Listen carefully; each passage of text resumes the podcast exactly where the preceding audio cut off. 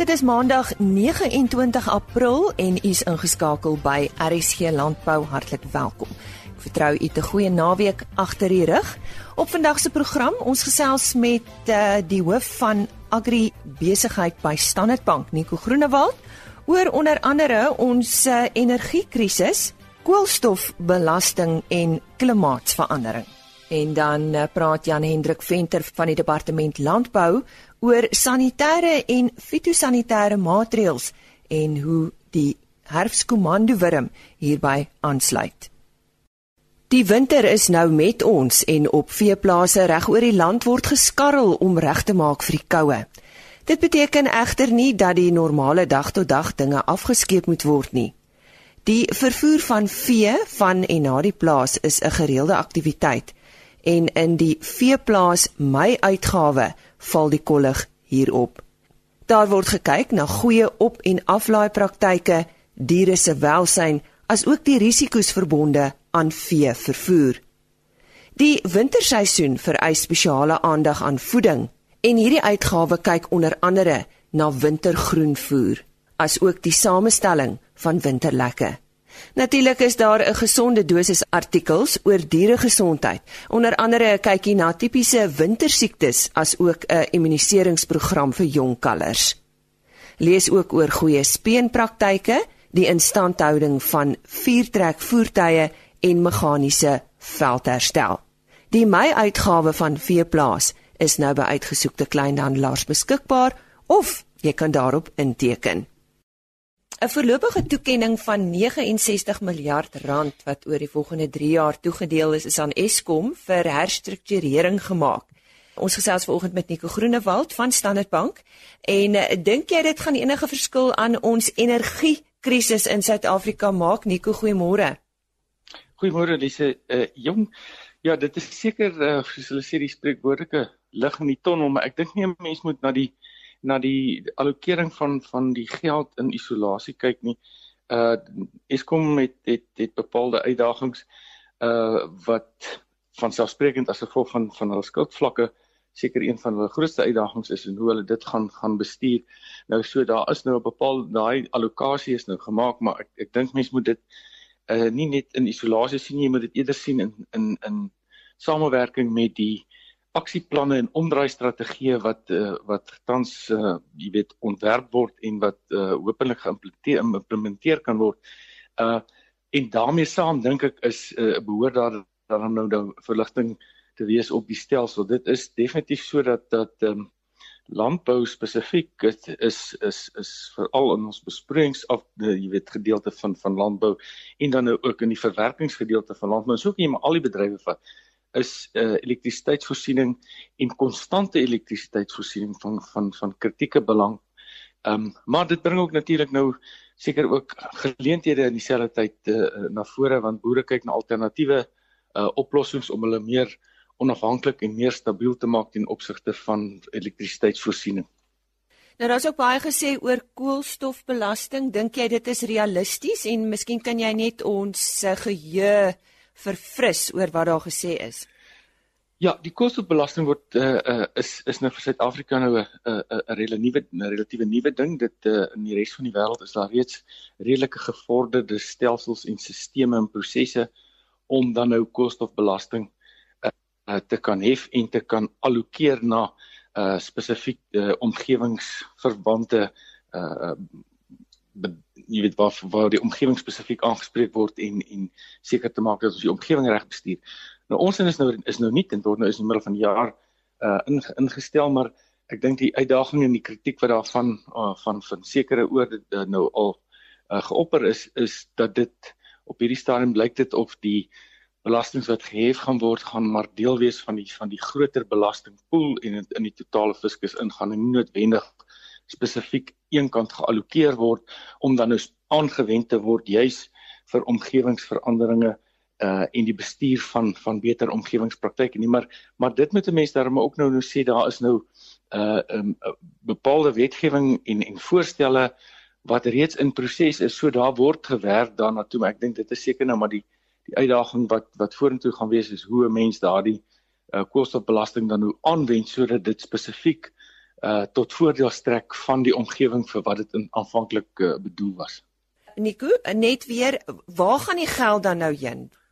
Kyk, ek dink uh, soos dit tans uh, soos ek dit tans verstaan is gaan gaan die fondse of of die geld wat nou gehef word gaan in die belastingbreë belastingpool in en ek dink die ideaal vir so 'n stelsel is dat fondse wat dan nou spesifiek of belasting wat dan nou spesifiek gehef word uh vir, vir koolstofbelasting om sogenaamde die dan nou die omgewing uh bestuur te kan bevorder dat daardie fondse spesifiek aangewend word dan nou vir omgewings uh en klimaatsveranderingsbestuur.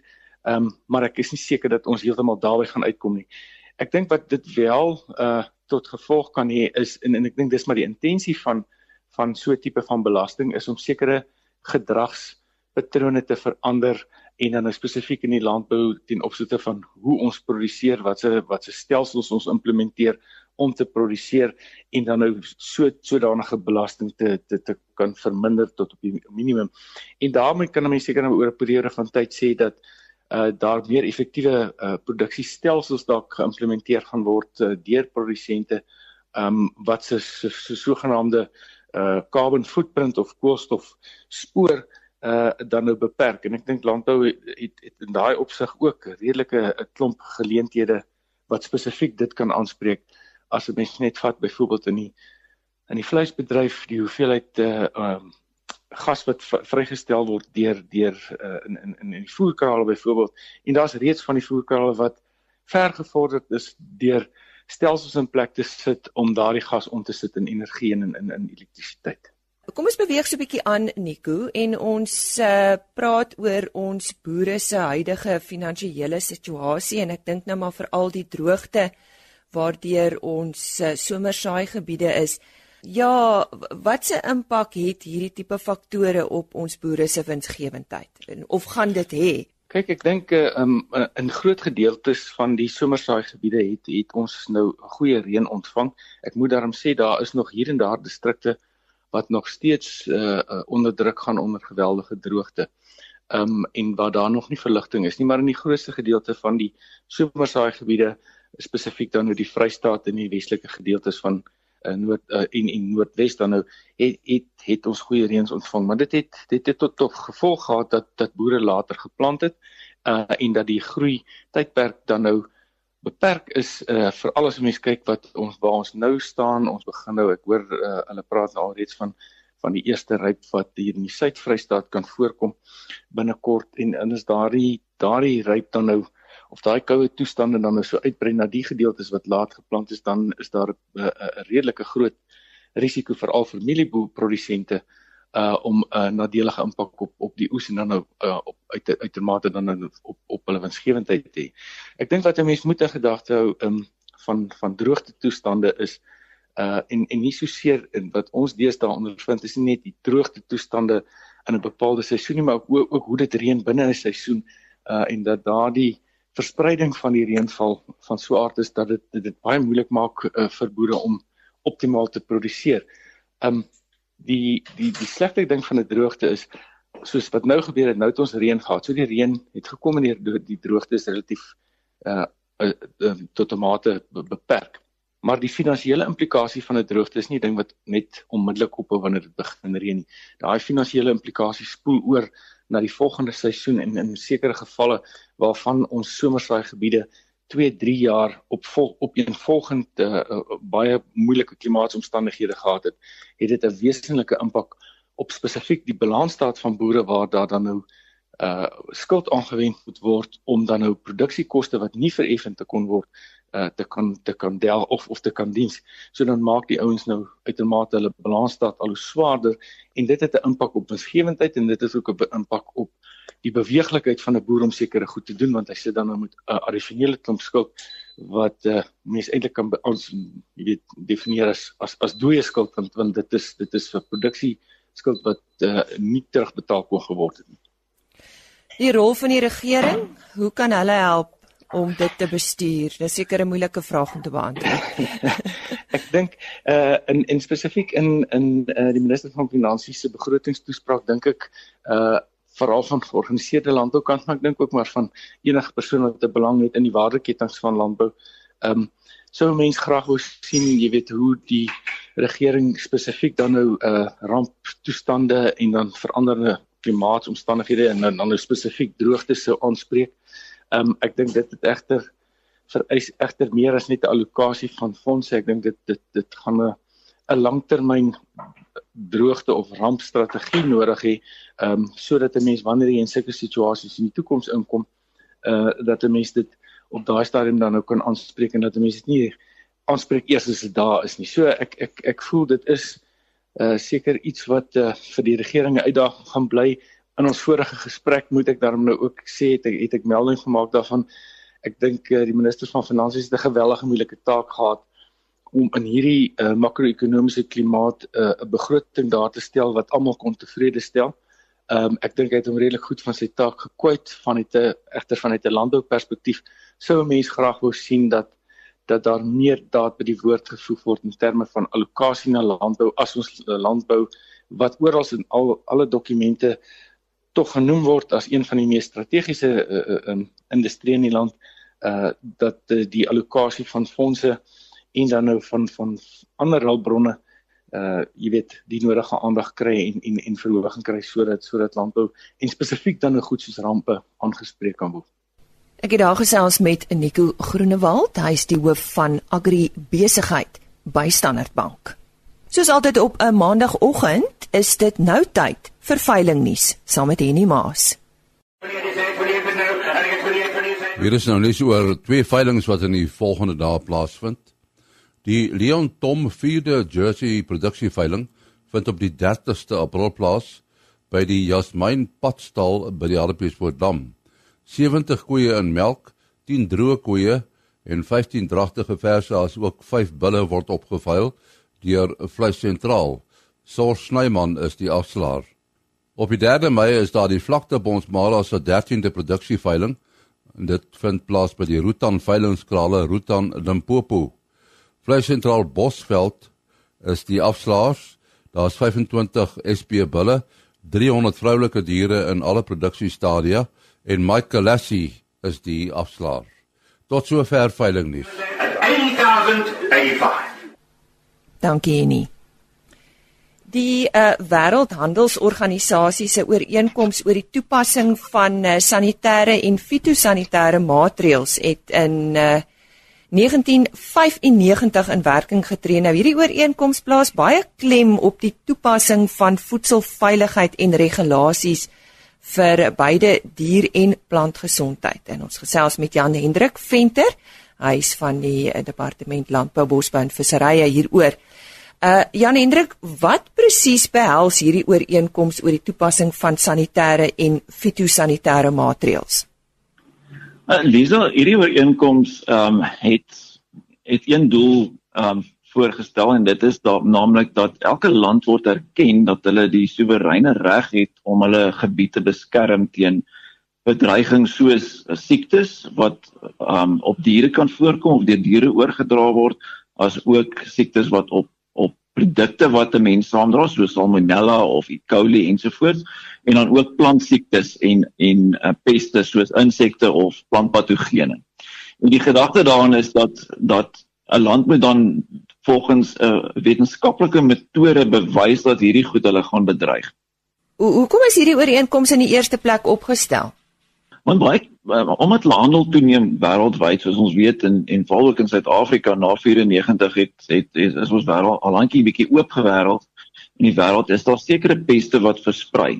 En sekere lande het gesê maar okay ons wil nie hierdie goed hê nie. Maar dan is daar ook lande wat sekere 'n uh, handelsblok wil toepas na teenoor 'n ander land. En dit mag nie gedoen word as dis hy die land kan bewys dat dit 'n siekte of 'n of dan 'n ander rede soos 'n soos 'n menspes of 'n plantpes of 'n diere siektes wat wat hulle gaan bedreig wat hulle nie reeds het in die land nie. Watter liggame word deur die Wêreldhandelsorganisasie aanvaar? Nou nadat hierdie ooreenkoms opgestel is, het die het die Wêreldhandelsorganisasie gekyk na watse standaard ehm um, op watse standaarde kan ons volgens werk en daar is drie liggame uh, erken. Een is die OIE of die die wêreldorganisasie vir dieregesondheid en die een is die IPPC wat vir die internasionale plantbeskermingsorganisasie is wat kyk na plantpeste en dan is daar die Codex Alimentarius wat kyk na menssiektes en dan ook ehm um, residue op op landbouprodukte soos byvoorbeeld chemiese residue vir vir na insekmiddels toegedien is. So wie's betrokke by plantgesondheid? By plantgesondheid is dit die internasionale plant ehm um, uh, beskermingsorganisasie of in Engels die IPPC, the International Plant Protection Organization. En elke land moet 'n nasionale plantbeskermingsorganisasie opstel. In Suid-Afrika is hierdie organisasie uh, binne die Departement van Landbou, Bosbou en Visserye en drie direktorate is daarmee betrokke, naamlik die Direktoraat Plantgesondheid, Inspeksiedienste en en um voedselstandaarde. Jan Hendrik, wat behels die bepalinge van hierdie ooreenkoms? Um die bepaling sê dat uh, uh, ons kan maatreëls optel uh, om om ons om onsself te beskerm, maar daai maatreëls moet regverdig wees. So die die dit moet in die eerste plek deursigtig wees. Lande moet met mekaar kommunikeer oor die oor die maatreëls en die Wêreldhandelsorganisasie het ook 'n 'n 'n bekendstelling van nuwe maatreëls uh, stelsel in plek gestel. Um lande moet ook 'n uh, wetenskaplike proses volg, naamlik 'n pesrisiko-analise om vas te stel wat se peste mag mag bekamp word of beheer word deur maatreëls. En dan ook moet dit regverdig wees. Een land mag nie 'n uh, streng maatreël, 'n strenger maatreël vir dieselfde pes op dieselfde produkkie as 'n ander land vir dieselfde pes op dieselfde produk byvoorbeeld nie. Nou, ehm um Ons het nou uh, uh vroeër gesels oor die ooreenkoms van die Wêreldhandelsorganisasie. Uh en uh, soos ons weet, is daar nou weer uh die herfskomando wurm wat sy kop uitgesteek het. So hoe hoe het hierdie ooreenkoms op hierdie wurm betrekking? Um die die herfskomando wurm het in in 2016 was dit die eerste keer opgemerk in Afrika en teen 2017 Januarie het dit reeds uh die suidpunt van Afrika bereik en um in naamlik Suid-Afrika en die met ander woorde hierdie wurm het oor of of mot eintlik het oor die hele Afrika versprei binne 'n baie kort tydperk. Nou is dit al so ver soos Indië.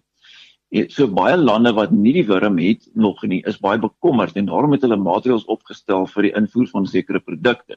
Byvoorbeeld die Europese Unie um het redelike streng maatreëls opgestel teen die invoer van van produkte soos soos um uh uh peppers en eiervrug en en suikermielies. En lande wat na hulle toe uitvoer uh, insluitend in Suid-Afrika moet aan daai maatreëls voldoen. En dit maak uitvoer 'n bietjie moeiliker. So en dit kos dan 'n bietjie meer om dit te doen. Skus jy was bietjie vinnig op my daar. Wat is die huidige status van die herfskomando wurm in Suid-Afrika? Man, ehm um, tot uh ek wil amper sê Augustus laas jaar het ons het, het die komando wurm versprei en en en het het ons larwes gekry met ander woorde wurms op gewasse meestal mielies oor die hele Suid-Afrika behalwe die Wes-Kaap. En hierdie jaar ehm um, in die laaste paar weke het ons wel larwes gekry in die Wes-Kaap naby naby Klein Willem en daai gebied ehm um, en en dit was op suikermielies geweest so daai gebied het ons kan ons nou positief sê het alweer larwes maar ook was daar baie min motte geweest ooit in die Weskaap en um, ons het nou baie meer motte begin kry in Klein Willem, Philippi, um tot by rivier sonder en so die, die ons kan eintlik nou sê die die mot het reg deur die land versprei. Um maar nog steeds in die Weskaap kan ons sê is baie lae getalle. Grootendeels omdat daar nie so baie van sy gunsteling gewas is nie, um, naamlik mielies. Die ouens in die Weskaap eet daar nou nie so baie pap soos as hy bo by ons nie. Jong, hulle mag dalk met jou verskil. Ehm um, die droogte, watter effek het die droogte op hierdie wurm? Ehm um, die die risiko wat ons in gevaar gestaan het was dat die wurm het ehm um, is 'n wurm wat nie hou van van koue nie maar hy kom ook meestal versprei die motte in in herfs. Dis hoekom sy Engelse naam vol armyworm is. Um en omdat die droogte veroorsaak het dat boere later moet plant, was daar jonger mielies op 'n later tydperk teenwoordig en daarom kan die skare of of was die potensiële skade groter gewees op op mielies, maar dit lyk daarom of die grootste deel van Suid-Afrika het vrygespring en so daar was nie baie um, skade wat aangemeld was nie. Daar maar en en daai vrese was nou meestal gewees in droër gebiede wat laat geplant is soos die Vrystaat en Noordwes provinsie ensovoorts, maar wat wel gebeur het toe het Afrika um um komando wurm het wel 'n impak gehad daar wat ons wat ook uit die bloute uit verskyn het in in die noordelike van Vrystaat. Ja, Hendrik, nou weet ek in Suid-Afrika waar daar heelwat navorsing gedoen, beide chemies en biologies, maar is daar enige nuwe tegnologie vir die beheer van die herfskomando wurm wat jy graag met ons luisteraars kan deel? Daar is nog niks bevestig nie. Um die die maar die ons ons het 'n konstante werk die die departement van landbou, bosbou en en, en vissery het nou vyf navorsingsprojekte goedgekeur met die LNR om om um die die pes verder na te vors op verskillende vlakke en verskillende gebiede om te en dan onder andere gaan ons ook kyk na na um, chemiese beheer en moontlik ook uh, biologiese beheer in toekoms. Ons wil graag 'n geïntegreerde pesbeheerstelsel opstel vir die komando wurm wat wat boere makliker kan aanwend.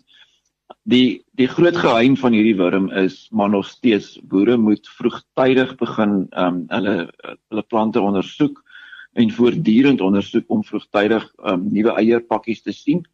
En as die wurmpies klein is, kan 'n mens dit baie maklik beheer chemies uh, ook, maar sodra die wurms te groot begin raak, dan dan is dit moeilik om te beheer en hulle is redelik taaf die die goedjies. Ou hulle is hulle sterk outjies hoor. Hulle hulle gaan nie dan so maklik dood van chemie nie. En hulle kruip ook baie diep in die blaarskedes in. Weg. So wat is die departement se strategie met betrekking tot die herfskomando wurm? op hierdie stadium um, gaan ons aan soos wat ons tot nou toe gedoen het en dis naamlik dat ons 'n uh, 'n uh, 'n rapporteringsplatform geskep het waar wat maandeliks op of op die langste 6 weekliks uitmekaar by mekaar kom tussen al die provinsies en ander rolspelers sowel die LNR en en en universiteite wat navorsing doen sodat ons die hele tyd op hoogte is wat is die nuutste op die op die mark dat ons weet waar gesprei wat doen hy waar waar doen hy skare ensovoorts ons werk ook redelik nou saam met die FAO wat wat ons dan op 'n Afrika basis ook ehm um, rapporteer wat hierdie pes doen. Ongelukkig omdat hierdie pes 'n uh, migrerende pes, hy kan 2000 km ver vlieg as hy die dag wil, is dit nie maklik om te stop nie. So as hy kom dan kom hy, maar ons moet weet hoe om dit beter te bestuur. En die die navorsing wat nou aan die gang is, gaan vir ons beter daar um, inlig daartoe. Ons vermoed dat um, ons uh, hierdie pes is, omdat ons op die suidpunt van Afrika is, sowel as omdat ons meestal op die Hoëveld produseer, het ons 'n baie lae impak het van hierdie pes en ook in die toekoms sal hê. Maar uh, dis 'n onvoorspelbare pes, so mense moet maar altyd mooi kyk hoe jy dit bestuur en en op hoogte bly van wat hierdie pes doen. Natuurlik. Um, waar en wanneer? Ja, nee natuurlik. Uh net om jy af te sluit Jan Hendrik, watter produkte teen herfskomando word uh, word deur die Europese Unie gereguleer? Dit is ehm um, meestal uh jou jou solanum gewasse. Dit is eintlik net die verskillende tipe eiervrugte wat 'n mens kry en dan ehm um, jou jou soetrussies ook. Ehm um, en dan suikermielies. Op hierdie stadium word dit vir die beheer uh gel, gelukkig nou nog nie baie van die ander gewasse. Hierdie hierdie wurm is op 80 gewasse aan al al aangeteken. Ehm um, ons vermoed hierdie wurm is eintlik meer 'n mielie uh, uh pes en en daarom is suikermielies miskien die mees relevantste um produk om dit op te beheer. Jan Hendrik Venter van die Departement Landbou, Bosbou en Visserye wat daar gesels het oor die herfskomando wurm, asook die sanitêre en fitosanitêre maatreëls en hy's uh, verbonde aan die uh, plantgesondheid en vroeë waarskuwingsafdeling by die departement. Onthou môreoggend weer by ons aan te sluit. Ons gesels dan met Dr. Fafa Malan oor Ruwasa. Ons vind meer uit oor hulle en eh, dan stel ek u ook voor aan die 2019 Vrystaat Landbou Jongboer wenner. Hy is daar van Arlington. Onthou môreoggend net so skuins na 05:30 by ons aan te sluit. Van my Lise Roberts. Totsiens. RSG Landbou is 'n produksie van Plaas Media. Produksieregisseur Henny Maas. Aanbieding Lise Roberts. En inhoudskoördineerder Jolandi Root.